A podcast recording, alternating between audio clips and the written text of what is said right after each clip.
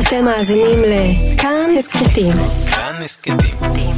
הפודקאסטים של תאגיד השידור הישראלי. שלום, כאן רוני קובן. אני מגיש את התוכנית פגישה שמשודרת בכאן 11, אבל לטובת אלה שמעדיפים להקשיב או שאין להם זמן לצפות בבית, הכנו לכם גרסת שמע של התוכנית שתעלה בעמוד הפודקאסטים של כאן מדי שבוע. אז הנה פגישה, גרסת ההסכת. האזנה נעימה. אברי גלעד מופיע כבר שנים בחיים שלנו בתפקיד כפול. אברי הישן, התל אביבי, השמאלני, הפרוע, לפעמים שנון עד כדי אכזריות, למול אברי החדש, השמרן, הימני, איש המשפחה.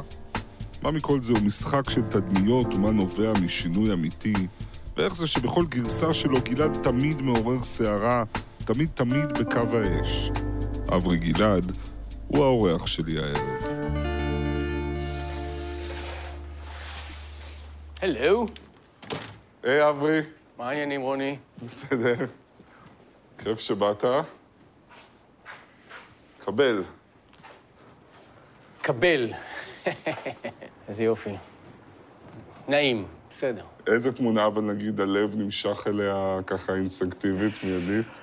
בטח, אה, בטח תמונת הבר מצווה שלי. זה הבר מצווה? זו תמונה מהבר מצווה שלי, שנערכה ב... באולם שהוא לא אולם, הוא בערך משהו בגודל הזה, זה מין דירת מרתף שהזכירו אותה לאירועים מול הבית שלנו. והזמינו רק חברים של ההורים שלי, לא היה כמעט אה, ילדים ש... מהכיתה, רק איזה כמה. והיה יום נורא קר, ואני עמדתי בחוץ, וכל אורח שבא לחץ את ידי שהייתה קפואה ואמר, ידיים קרות, לב חם. אחד, תן, מה ננסה? אחד, אה, אחד. אחד, אחד, אה, הם עברו שם עם האמירה הזאת. הרווחתי 2,100 לירות ששמתי בארנק, והלכתי איתו לקנות מערכת תופים. והשאר היסטוריה, תופפתי בלהקות גדולות. כמו. שאנחנו רואים פה על הקיר. וקטנות. קריירת טיפוף מפוארת. לגמרי. תגיד, אבל באמת, זה קיר מפואר, עשית המון המון דברים. הגיל, הגיל, הגיל, מה איתו? הוא פקטור?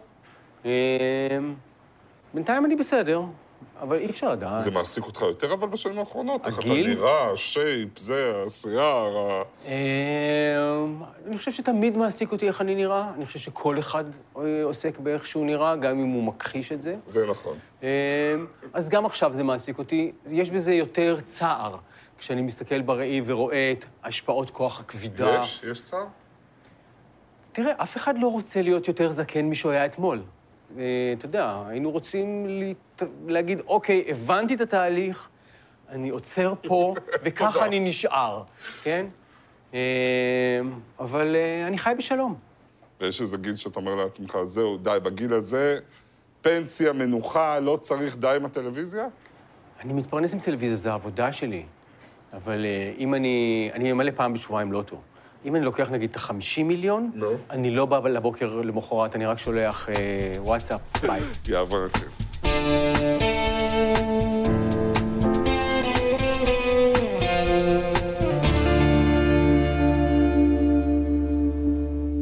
שלום לאברי גלעד, אחד מאנשי... אחד מאנשי התקשורת המרתקים והמיוחדים שצמחו כאן, מגיש תוכנית הבוקר של רשת 13, ושל מה אתם הייתם עושים שדרה בקיץ, מנחה שמקפץ בקלילות בין סאטירה, שעשועונים, תוכניות אקטו- אקטואליה, אירוח, דוקו, בטלוויזיה וגם ברדיו. תודה רבה שבאת. רק בשבילך. אפצח בווידוי אישי קל, בסדר? כן, שמע, אני הרבה שנים קצת פחדתי ממך. בצדק. למה בצדק? אני נושך. וכשאמרו לי, בוא תתראיין אצלו, אז חשבתי פעמיים, אבל אז באתי, ופעם ועוד פעם, ואמרתי, וואלה, אתה לא מה שחושבים. אני לא יודע מי, מי, מי אלה החושבים ולמה הם חושבים את זה, אבל אני כבר הרבה שנים לא פוגע באף אחד. זה נכון שהתחלתי את הקריירה שלי אה, בפגיעות סדרתיות. אה, ארז ואני ייסדנו את, ה... את הז'אנר ברדיו של לכסח מאזינים ולהיות איומים ונוראים, אבל הייתי בן 23 או משהו. מאז חלפו הרבה דברים והרבה שיעורים בחיים, אבל משהו מזה עוד הולך איתי עד היום. אז, אז תכף נדבר על, על, על, על, על השינוי, על התהליך שעברת. יש אבל גם את העניין שאם אתה משתעמם, נגיד, אז אתה מראה, אתה לא מסתיר את זה. זאת אומרת, מתחיל להיות איזו לא- אנרגיה של... זה לא שאני מראה, זה... אתה לא יכול לשלוט על זה? זה נחשף. אוקיי. תראה, יש לי הפרעת קשב די, אה, די קשה. אה, האויב הכי גדול של אנשים עם הפרעת קשב זה שעמום. זאת אומרת, כשרמת האדרנלין יורדת, אז הפיזור הוא פשוט מוחלט, ואז פשוט המבט מחפש משהו, משהו להרים. ואז, כש- אבל בסדר, כשאתה בתוכנית הבוקר, שידור חי, אורח שבניתם עליו שיהיה מדהים, משעמם עד מוות, אבל... אז מה אתה עושה עם עצמך? אה, לפעמים דברים לא חינניים. תראה, עד לפני לא הרבה זמן הייתי, הייתי פשוט הולך ל, ל, לסרטונים במחשב, אבל אז פשוט אה, סגרתי את המחשב, אני לא עושה את זה יותר. יש גם מידה מסוימת של העמדת פנים, אתה יודע שאנחנו מעמידים פנים בין היתר. אבל מה שמעניין אצלך, שלפעמים אתה גם משתמש בזה. זאת אומרת, יש תחושה שמבוכה באולפן גם מפעילה אותך. אתה- חייב. תסביר. אני צריך שמשהו יעלה לי את האדרנלין, אני צריך שיהיה מרגש. אז אם יש מבוכה, או אם יש אה, תקלה, או אם יש משהו, אז, אז אני מקבל את ה... זה הריטלין הטבעי שלי, שיש התרחשות. בוא, בוא נלך על שני, שני ז'אנרים של, של דברים שהלשון הזאת גרמה להם. יש את המקרים שהלשון באמת העליבה אנשים, ויש את המקרים שאתה אומר רעיונות שבוא נגיד אינם בגדר הקונצנזוס. זה נורא משעמם להגיד דברים שהם בגדר הקונסנזוס. נתחיל מהעלבונות. אוקיי. זה משהו שעבדת עליו ממש. זה לא עבד איתי, אז זה עבד עליי. מה זאת אומרת? אתה יודע שאני כבר 17 שנים לומד את uh, תורתה של uh, ימימה אביטל, זכר צדיקה לברכה, וה... אחד הדברים ש, שאתה uh, לומד ומפנים אותם כל הזמן, זה שבך יש איזה ניצוץ נשמתי שיש גם בזולת, ואתם... אנחנו אותו דבר, ואין לי... אם אני פוגע בך, אני פוגע בעצמי, זה לא... זה, זה בכלל לא אופציה. בוא נלך למה שהביא אותך לימימה. אתה אמרת פעם בריאיון, בשנת 2000 התרסקתי, הייתי בן אדם בלתי נסבל, הגעתי למצב שמכוכב פריים טיים, אף אחד לא רצה לעבוד איתי. נכון. הייתי מובטל במשך שנה וחצי, שנתיים. נכון. שנתיים כמעט לא עבדת? עבדתי כעורך של אה, שעשועון מחריד, שגם יצרתי וגם ערכתי, שנקרא מזל טוב, אבל היה לי מאוד מאוד קשה. היה לי מאוד קשה, כי הפסיקו לעבוד איתי, כי הייתי פשוט bad news לצוות. היה לא נעים לעבוד איתי. מה, ממש שמעת אנשים אמרו, אנחנו לא עובדים עם מברי? כן, כן. היה, יצא קול מפרס עד מדי. איתו לא עובדים יותר. ומה עושים, חיים על חסכונות, או... חלטורות, כל מיני. ופחדת שיום אחד תצטרך אה, לעבוד בסטימצקי או משהו? מה עושים? אני באמת לא ידעתי מה יהיה. נכון עכשיו- שמישהו מאחוריי לוחש משהו? כמובן. זה בלתי אפשרי מבחינתי. אז זה דוגמה להפרעת הקשר. לגמרי. האמת, אבל זה גם מפריע לי. אמ, ההפרעת קשב הזאת, שאני משתמש בה, כי אפשר להגיד, כל דבר אתה, אתה משתמש בהפרעת קשב, אבל, אבל אה, ראית שעכשיו אה, שמעתי את, ה, את הלחשושים של אנשי הצוות מאחורה, אז אה, כשהייתי גם מתודלק באגו גדול, גם בהרבה כסף וזה, אז מה שהיה קורה עכשיו זו הייתה התפרצות אלימה. זאת אומרת, זה היה בלתי... אה, היית צורח עליו הייתי, פשוט. צ- הייתי צורח והייתי... אה, מקלל? היית מעיף משהו באוויר. לא יודע, אני אף פעם לא הייתי אני טוב... שמעתי סיפורי זוועה. לא יודע, לא עליי. אוקיי. אבל, אה, אבל הייתי אומר משהו פוגע. הייתי אומר משהו פוגע. כי הייתי חווה את זה כמתקפה ישירה עליי. כשאתה גם חווה מתקפה וגם אתה מתודלק בהמון אגו וגם יש לך מעמד אה, עצום וכזה ורב וגם כל מקום שאתה בא, כל הדלתות נפתחות ואתה יודע, לרגע בחיי הייתי מגה-סטאר. זה, זה שילוב לא טוב, זה ממש אה, אש ודלק מטוסים, לשפוך דלק מטוסים על אש. אוקיי, אז זה העלבונות. אמרנו, הז'אנר השני זה הדעות. בהתבטאויות הפוליטיות שלך, בדעות, אתה לא עוצר באדום. כמה דוגמאות, בסדר? אחרי פעולת תגמול של מתנחלים בכפר ערבי, אתה אומר, יופי, זה יופי. לפעמים אין ברירה אלא להפגין נוכחות, אפילו נוכחות אלימה, לא נהיה יהודונים. כתבת שאלאור עזריה צדק מהבחינה המוסרית. נכנסת לעימות מתוקשר עם עמנואל אלבז פלפס בשאלה אם- האם נוטרדם הוצתה על ידי מוסלמים או לא, ואחר כך כינית אותה רובוט PC נטול יכולת חשיבה עצמית. היא כינתה אותך גזען, אתה הסברת שאתה לא, כי האסלאם אינו גזע. זאת רשימה חלקית. אז מה, נו- נועלים את האגרסיה בצד אחד והיא פורצת מצד שני? אני לא חושב שאף אחת מהאמירות האלה היא אגרסיבית. אוקיי. אה, אני לא, אני לא חושב שלזהות את האמת ולהצביע עליה זה אגרסיביות. אה, אני חושב שלא לעשות את זה זה אגרסיביות. אני חושב שלפחות אני תופס את עצמי כאדם שמזהה טוב מרע, אה, מזהה אויב מאוהב, אה, ניצב ליד בני עמי, חושב שמתנהלת פה מלחמה כל הזמן, ובמלחמה צריך לעשות לפעמים דברים לא נעימים. אני רוצה ככה בזהירות, באמת, בלי לפגוע, אבל... אתה יכול ממש לפגוע, אין שום לא, בעיה. חס וחלילה, גם אני לא רוצה לפגוע. אבל כן לשרטט לך קולות ששמעתי לקראת שהגעת.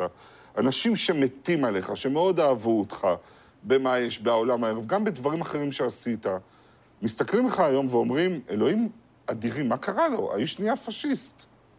בסדר, אני נורא אוהב שעוברים עליי פשיסט וגם גזען, אה, וגם פופוליסט. כשמישהו אומר עליי את שלושתם, אז אני יודע שאני ממש במקום טוב. עכשיו, זה שאהבת אותי בעולם הערב, עושה מים, מים, מים, מים, אני לא חייב לך כלום, סבבה?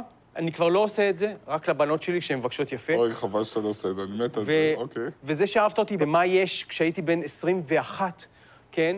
זה, זה, אני, אני בן 57. יש לי דעות על העולם, ואם אתה לא אוהב את הדעות שלי, זה בסדר גמור. אתה אומר, אבל עזבו אותי, באמא שלך אני לא-. אני לא חייב לכם כלום. אני לא חייב להמשיך לעבוד באהבת הנעורים שלכם ושלי. אני בן אדם עם דעות, אני ממוקם במקום מסוים על, ה, על הרצף הפוליטי, הלאומי, הדתי. אני, אני במקום. אתה לא אוהב אותי, יש, יש אנשים אחרים. אני אקח את זה מתוך המקום של השינוי שעברת.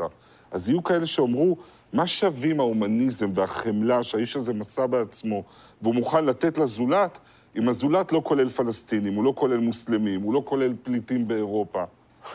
משהו לא מסתדר פה. מה, זה שוב התקשורת או, השמאלנית? לא, הטרלול הוא פשוט אינסופי, אינסופי. אני צריך לחמול על אויביי? איפה אנחנו חיים? אתה צריך לחמול על מי שרוצה ומצהיר ופועל כדי להרוג אותך ולפנות אותך ממדינתך? איפה אנחנו חיים? חברים, אתם איבדתם, לא אתם, ההם, הם. איבדו את הדבר הפשוט ביותר שיש לבן אנוש, הרצון לחיות. פשוט, את הרצון לחיות ולזהות מה מאיים על חייך ומה תומך ביכולתך לחיות. אברי, אבל אין לך פחד שה, שהפרסונה הזאת שנהיית לך מצמצמת אותך? אתה לא מפחד שפתאום, טלוויזיה זה הרי אין מה לעשות, זה משחק של תדמיות, שפתאום אתה תיראה לחלק מהאנשים מין, מין ארצ'י בנקר אוטומטי כזה? אני אומר את מה שאני חושב. אני לא עושה את זה מטעמים תדמיתיים, אני עושה את זה כי אני חושב שזה מה שנכון לעשות. עכשיו, זה שיש קבוצה של אנשים שחושבת שאני תכלית ותדמית כל הרע, אני באמת מגלם, זו קבוצה נורא קטנה. היא אומנם מאוד קולנית, אתה מכיר אותם כי הם גרים בתל אביב. אוקיי. אני לא סופר אותם, מכיוון שאני, אתה יודע, אני הייתי בגלי צה"ל והייתי שייך לאליטה המתנשאת הזאת, שחושבת שהיא חזות הכל. אני הייתי חלק מהאנשים האלה שלקחו את הסינגלים של האומנים המזרחיים וזרקו אותם על הקירות בשביל לראות אותם נשברים. וואלה. אני הייתי בן אדם, אני הייתי מאלה שכשהייתי יודע על מישהו שימני, הייתי חוסם אותו. היינו חלק מהדבר הזה, נו באמת. זה לא... אני מכיר איך זה להיות בצד השני. אני מה שאני, אני לא חושב שאני אדם קיצוני, אני ממש לא. בשום דבר, גם אני חושב שאף אחת מההתבטאויות שאמרת כאן איננה קיצונית. אני לא דתי קיצוני, אני לא חושב שיש לנו זכות על הארץ מטעמי של הבטחה אלוקית, אני לא חושב שצריך לגרש מפה אף אחד אחר, אני לא חושב שצריך להרוג אף אחד אחר. אני חושב שאני אדם מאוד מאוזן. עכשיו, זה שמציירים אותי כ... כאבי הרשע, זה פשוט בשביל לסתום לי את הפה.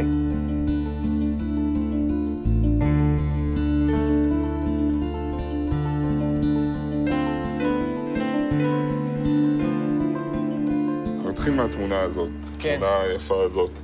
זה, זה אבא שלך. זה אבא שלי. שזה די מדהים כמה, כמה אתם דומים. כן, אבל uh, פה הוא יותר צעיר ממה שאני היום, הרבה יותר צעיר, ברור. פה הוא בן 30 ו... הוא היה מתרגם ועורך וכתב תסכיתים לרדיו, שלושה ספרים, ואחד הספרים, עיר על הדנובה, הוא בעצם סיפור קורותיו במלחמה. ילד מברטיסלבה בימי המגפה הנאצית, כמו שהוא קרא לה.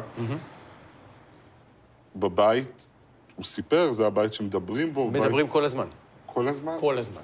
מה אתה זוכר ככה ב... א', הסיפור מסופר, ב', אה, כל דבר מושווה ל- ל- ללחם שהיה בגלייביץ, וזה ש... זה, זה כל הזמן, זה קיים כל הזמן, והמספר כל הזמן, והחרדות כל הזמן, וה... הסיפור כל הזמן אה, נוכח.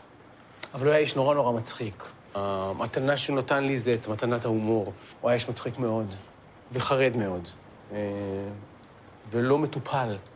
הייתה לו גם הפרעת קשב נוראית בעיניי. אה, ו...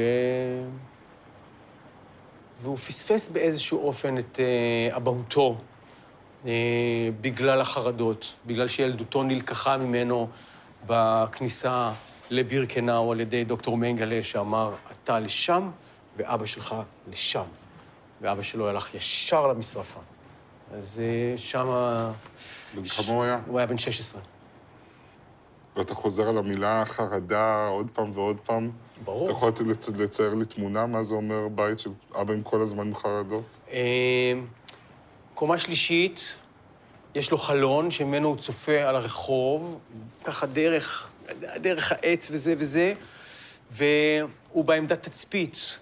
כל הזמן הוא בעמדת תצפית לראות מי מגיע מתי, האם מאחרים. כבר שבע, כבר שבע, חמישה לשבע, הבן אדם כבר בנקודת התצפית שלו, העניינים בבית כבר, כבר אה, כי בוערים. הילדים עוד לא הגיעו, כן. ומה עלול לקרות להם, לילדים, לא מגיעים לא, בזמן? זה לא משנה, אבל אם, אם בשתי דקות אז הוא כבר יורד למטה, והוא כבר מתחיל ללכת לקראת, אבל הוא הולך לכיוון הלא נכון.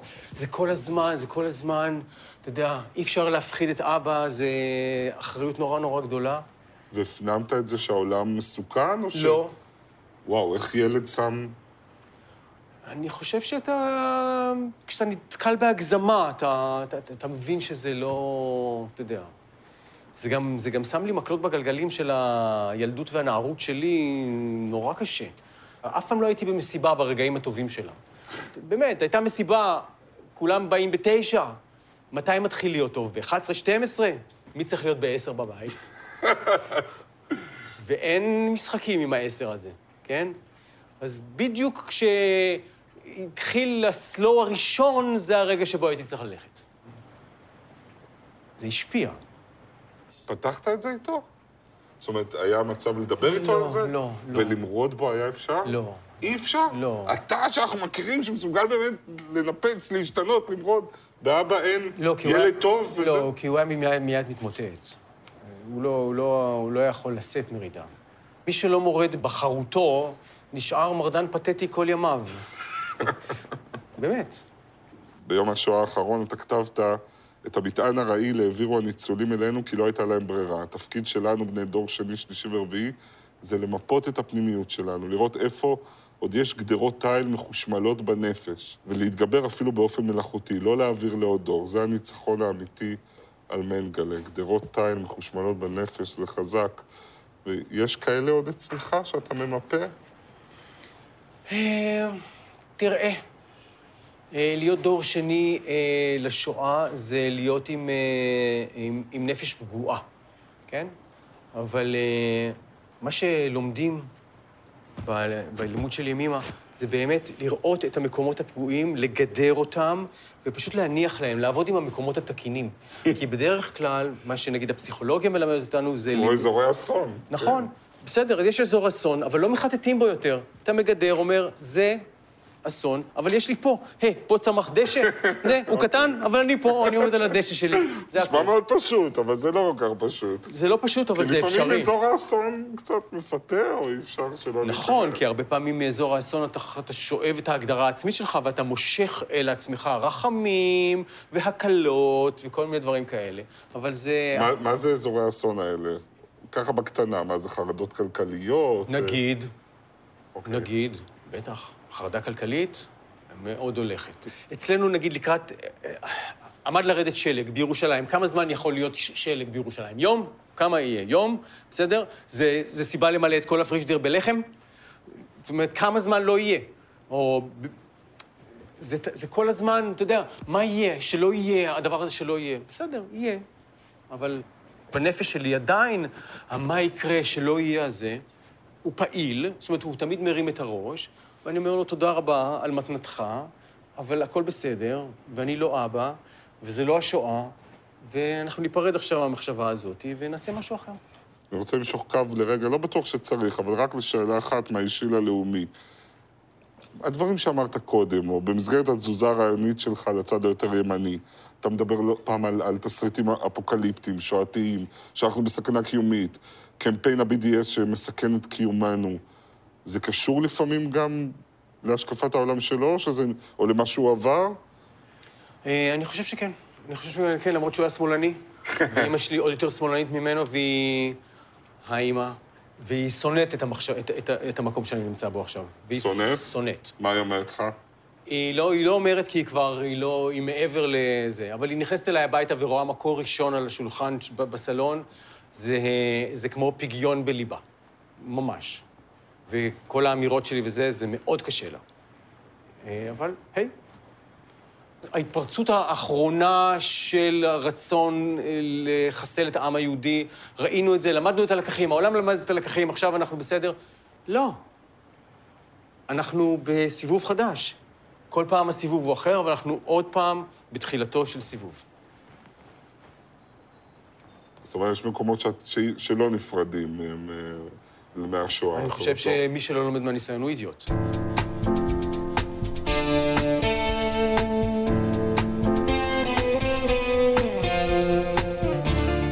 פעם שני חיילים צעירים, מבריקים בגלי צה"ל, אשר המציאו הומור רדיופוני נועז, מטורף. היום שניהם כבר אנשי תקשורת מנוסים, לא נגיד עדיין קשישים, אבל הם מתחילים אה, השבוע ניסיון נוסף של הסתערות על הטלוויזיה, שמקרינה בערוץ 2 עוד עונה של שידורים של העולם הערב. שלום לכם. שלום לך. תגידו, אה, אחרי, אתם עשר שנים בביזנס הזה בערך? 12. 12. יש עוד מה לחדש בהומור שלכם? יש כאלה שחושבים שלא, ואנחנו חושבים שעדיין כן. וכל עוד אה, אנחנו מצליחים למכור ב'. את ה- את השקר הזה להמונים, אז אה, כן. גרסה ב', תראה, אם לא היינו מרגישים שיש מה לחדש, אני מניח שהיינו עוברים אה, לעבוד בבניין, כי שם שמעתי עכשיו יש אה, פרנסה לא רעה. אבל התחיל בצעדים כמו כן, שאתה כן, זהו. הוא בודק את זה, אם זה טוב אני אצטרף. מתגעגע? למה? אמרת קודם, אני וארז אה, חטאנו בלהעליב. אני, אני אפרגן ואגיד שאתם גם המצאתם משהו בהומור שלנו. העולם הערב, נכון? זה, אני חושב, פעם ראשונה שהיה נונסנס בטלוויזיה.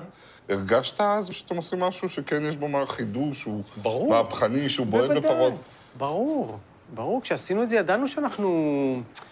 הייתה תחושה של חדשנות גדולה. אנחנו יצרנו את כל התוכן, ושיחקנו ברוב התוכן. זה היה מפעל מטורף. והייתם גם חברים טובים, נכון? היינו חברים, כן. חברים. לא, לא טובים. אוקיי. לא, טובים אני לא חושב, היינו, היינו חברים, בילינו גם ביחד בש, בשעות ה... כן, כן. אבל אני חושב שמאז שאנחנו לא יוצרים ביחד, אנחנו אנשים כל כך שונים, שבעצם אין לנו כל כך על מה לדבר. אז היום אתם נפגשים פחות. כן, אנחנו מחליפים וואטסאפ פעם בשנה, שנתיים, נגיד, לא יותר מזה. עכשיו, אמרת, הייתי מגה סטאר לאיזה תקופה. צעיר תל אביבי מגניב עם נשים שנופלות לרגליו וכל זה? זה היה החיים שלך? אה, לזמן מסוים, כן. שמחת בזה, או שתמיד כולם אומרים, זו התקופה האומללה בחיי, כולם רצו אותי, אבל הייתי נורא בודד בעצם. זה, זה, זה לא מצב טוב. מי שרוצה את זה לעצמו לא יודע מה הוא רוצה. אמרת שרצית את זה. היית הילד שאבא לא נתן לו נכון. להישאר עד עד הרגע המעניין במסיבה, פתאום המסיבה זה אתה. זה, זה, זה נכון, אבל אתה יודע, אומרים שייזהר ברצונותיך פן תקבל אותם. זה, למבנה הנפש שלי זה לא מתאים. זה לא מתאים, אף פעם לא התאים להיות uh, מפורסם מדי. למה? כי... תראה, חברתית, אה, אני, אני מגושם. אני בן אדם מגושם חברתית. אני... אתה? לגמרי. אומן הסמולטוק השלילויות? לא, לא, לא, לא, לא, אוקיי. לא, לא, לא, לא, לא, לא, לא, ממש לא. אוקיי. ממש ממש לא. אה, גם, גם עניין של הפרעת קשב, אם אני נכנס למקום עם הרבה אנשים, אני מאבד את זה לגמרי. אתה אומר, זה לא נורא שלא היית ברגעים הטובים במסיבה, כי זה לא בשבילך. לא, זה לא בשבילי. אוקיי. אה, וגם לנהל מין אישיות כזאת מוחצנת, וזה זה, זה, זה לא אני. הפער היה גדול מדי. אני בן אדם אה, גם ביישן, וגם מופנם, וגם מאוד פרטי.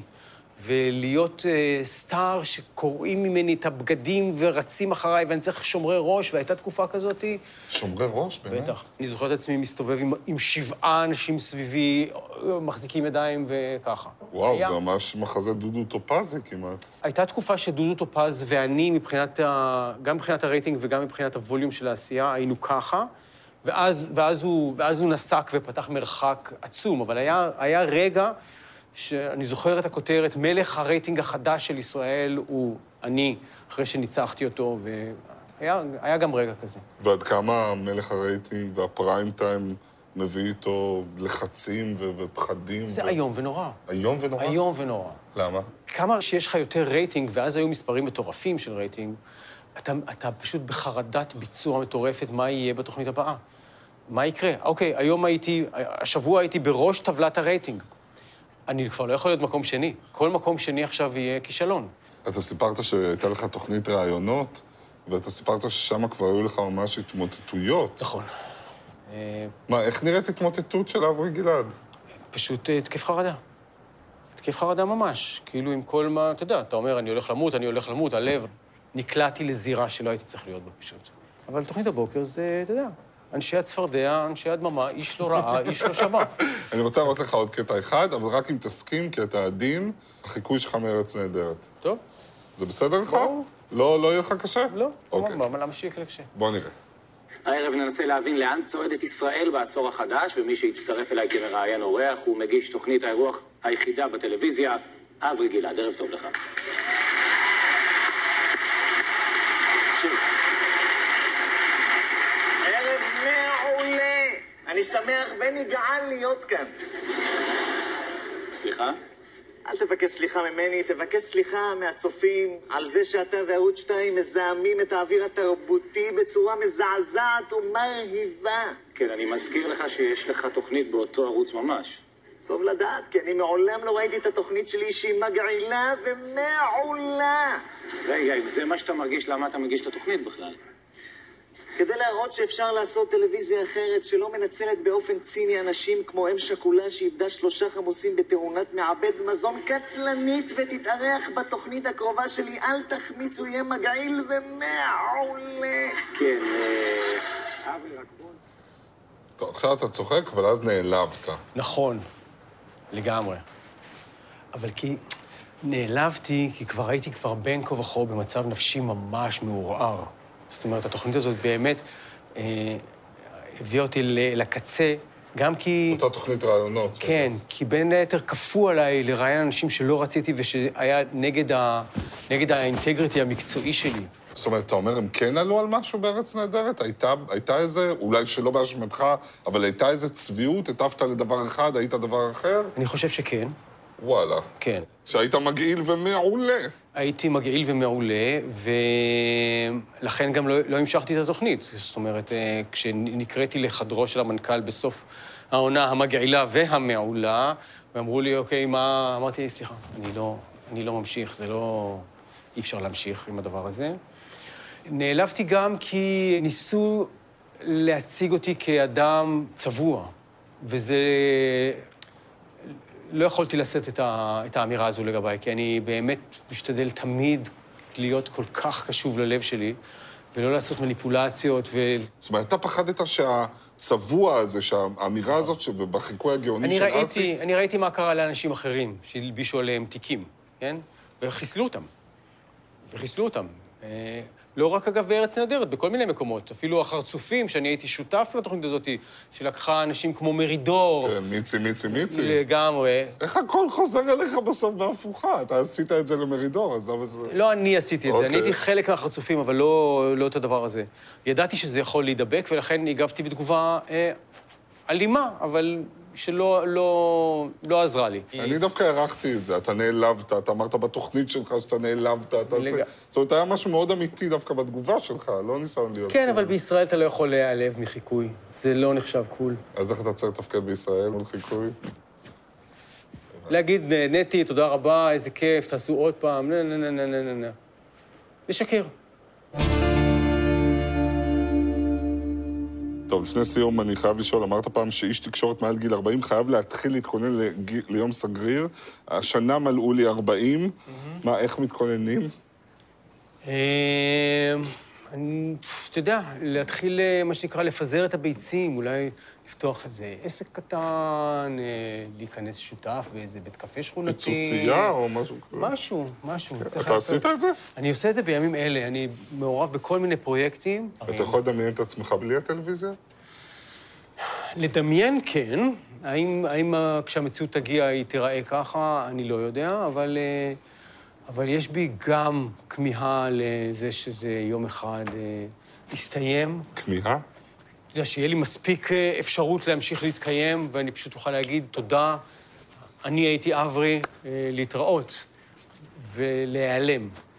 אבל האם זה יקרה באמת? ככה, ככה. אמרת מוות מעסיק אותי, לא הפחד מהמוות, אלא איך אני מגיע אל המוות בלי חרטה על חיי. נכון. אז אם חס וחלילה מחר דורס אותך אוטובוס, כן, אתה תמות בלי חרטות? כן. לגמרי.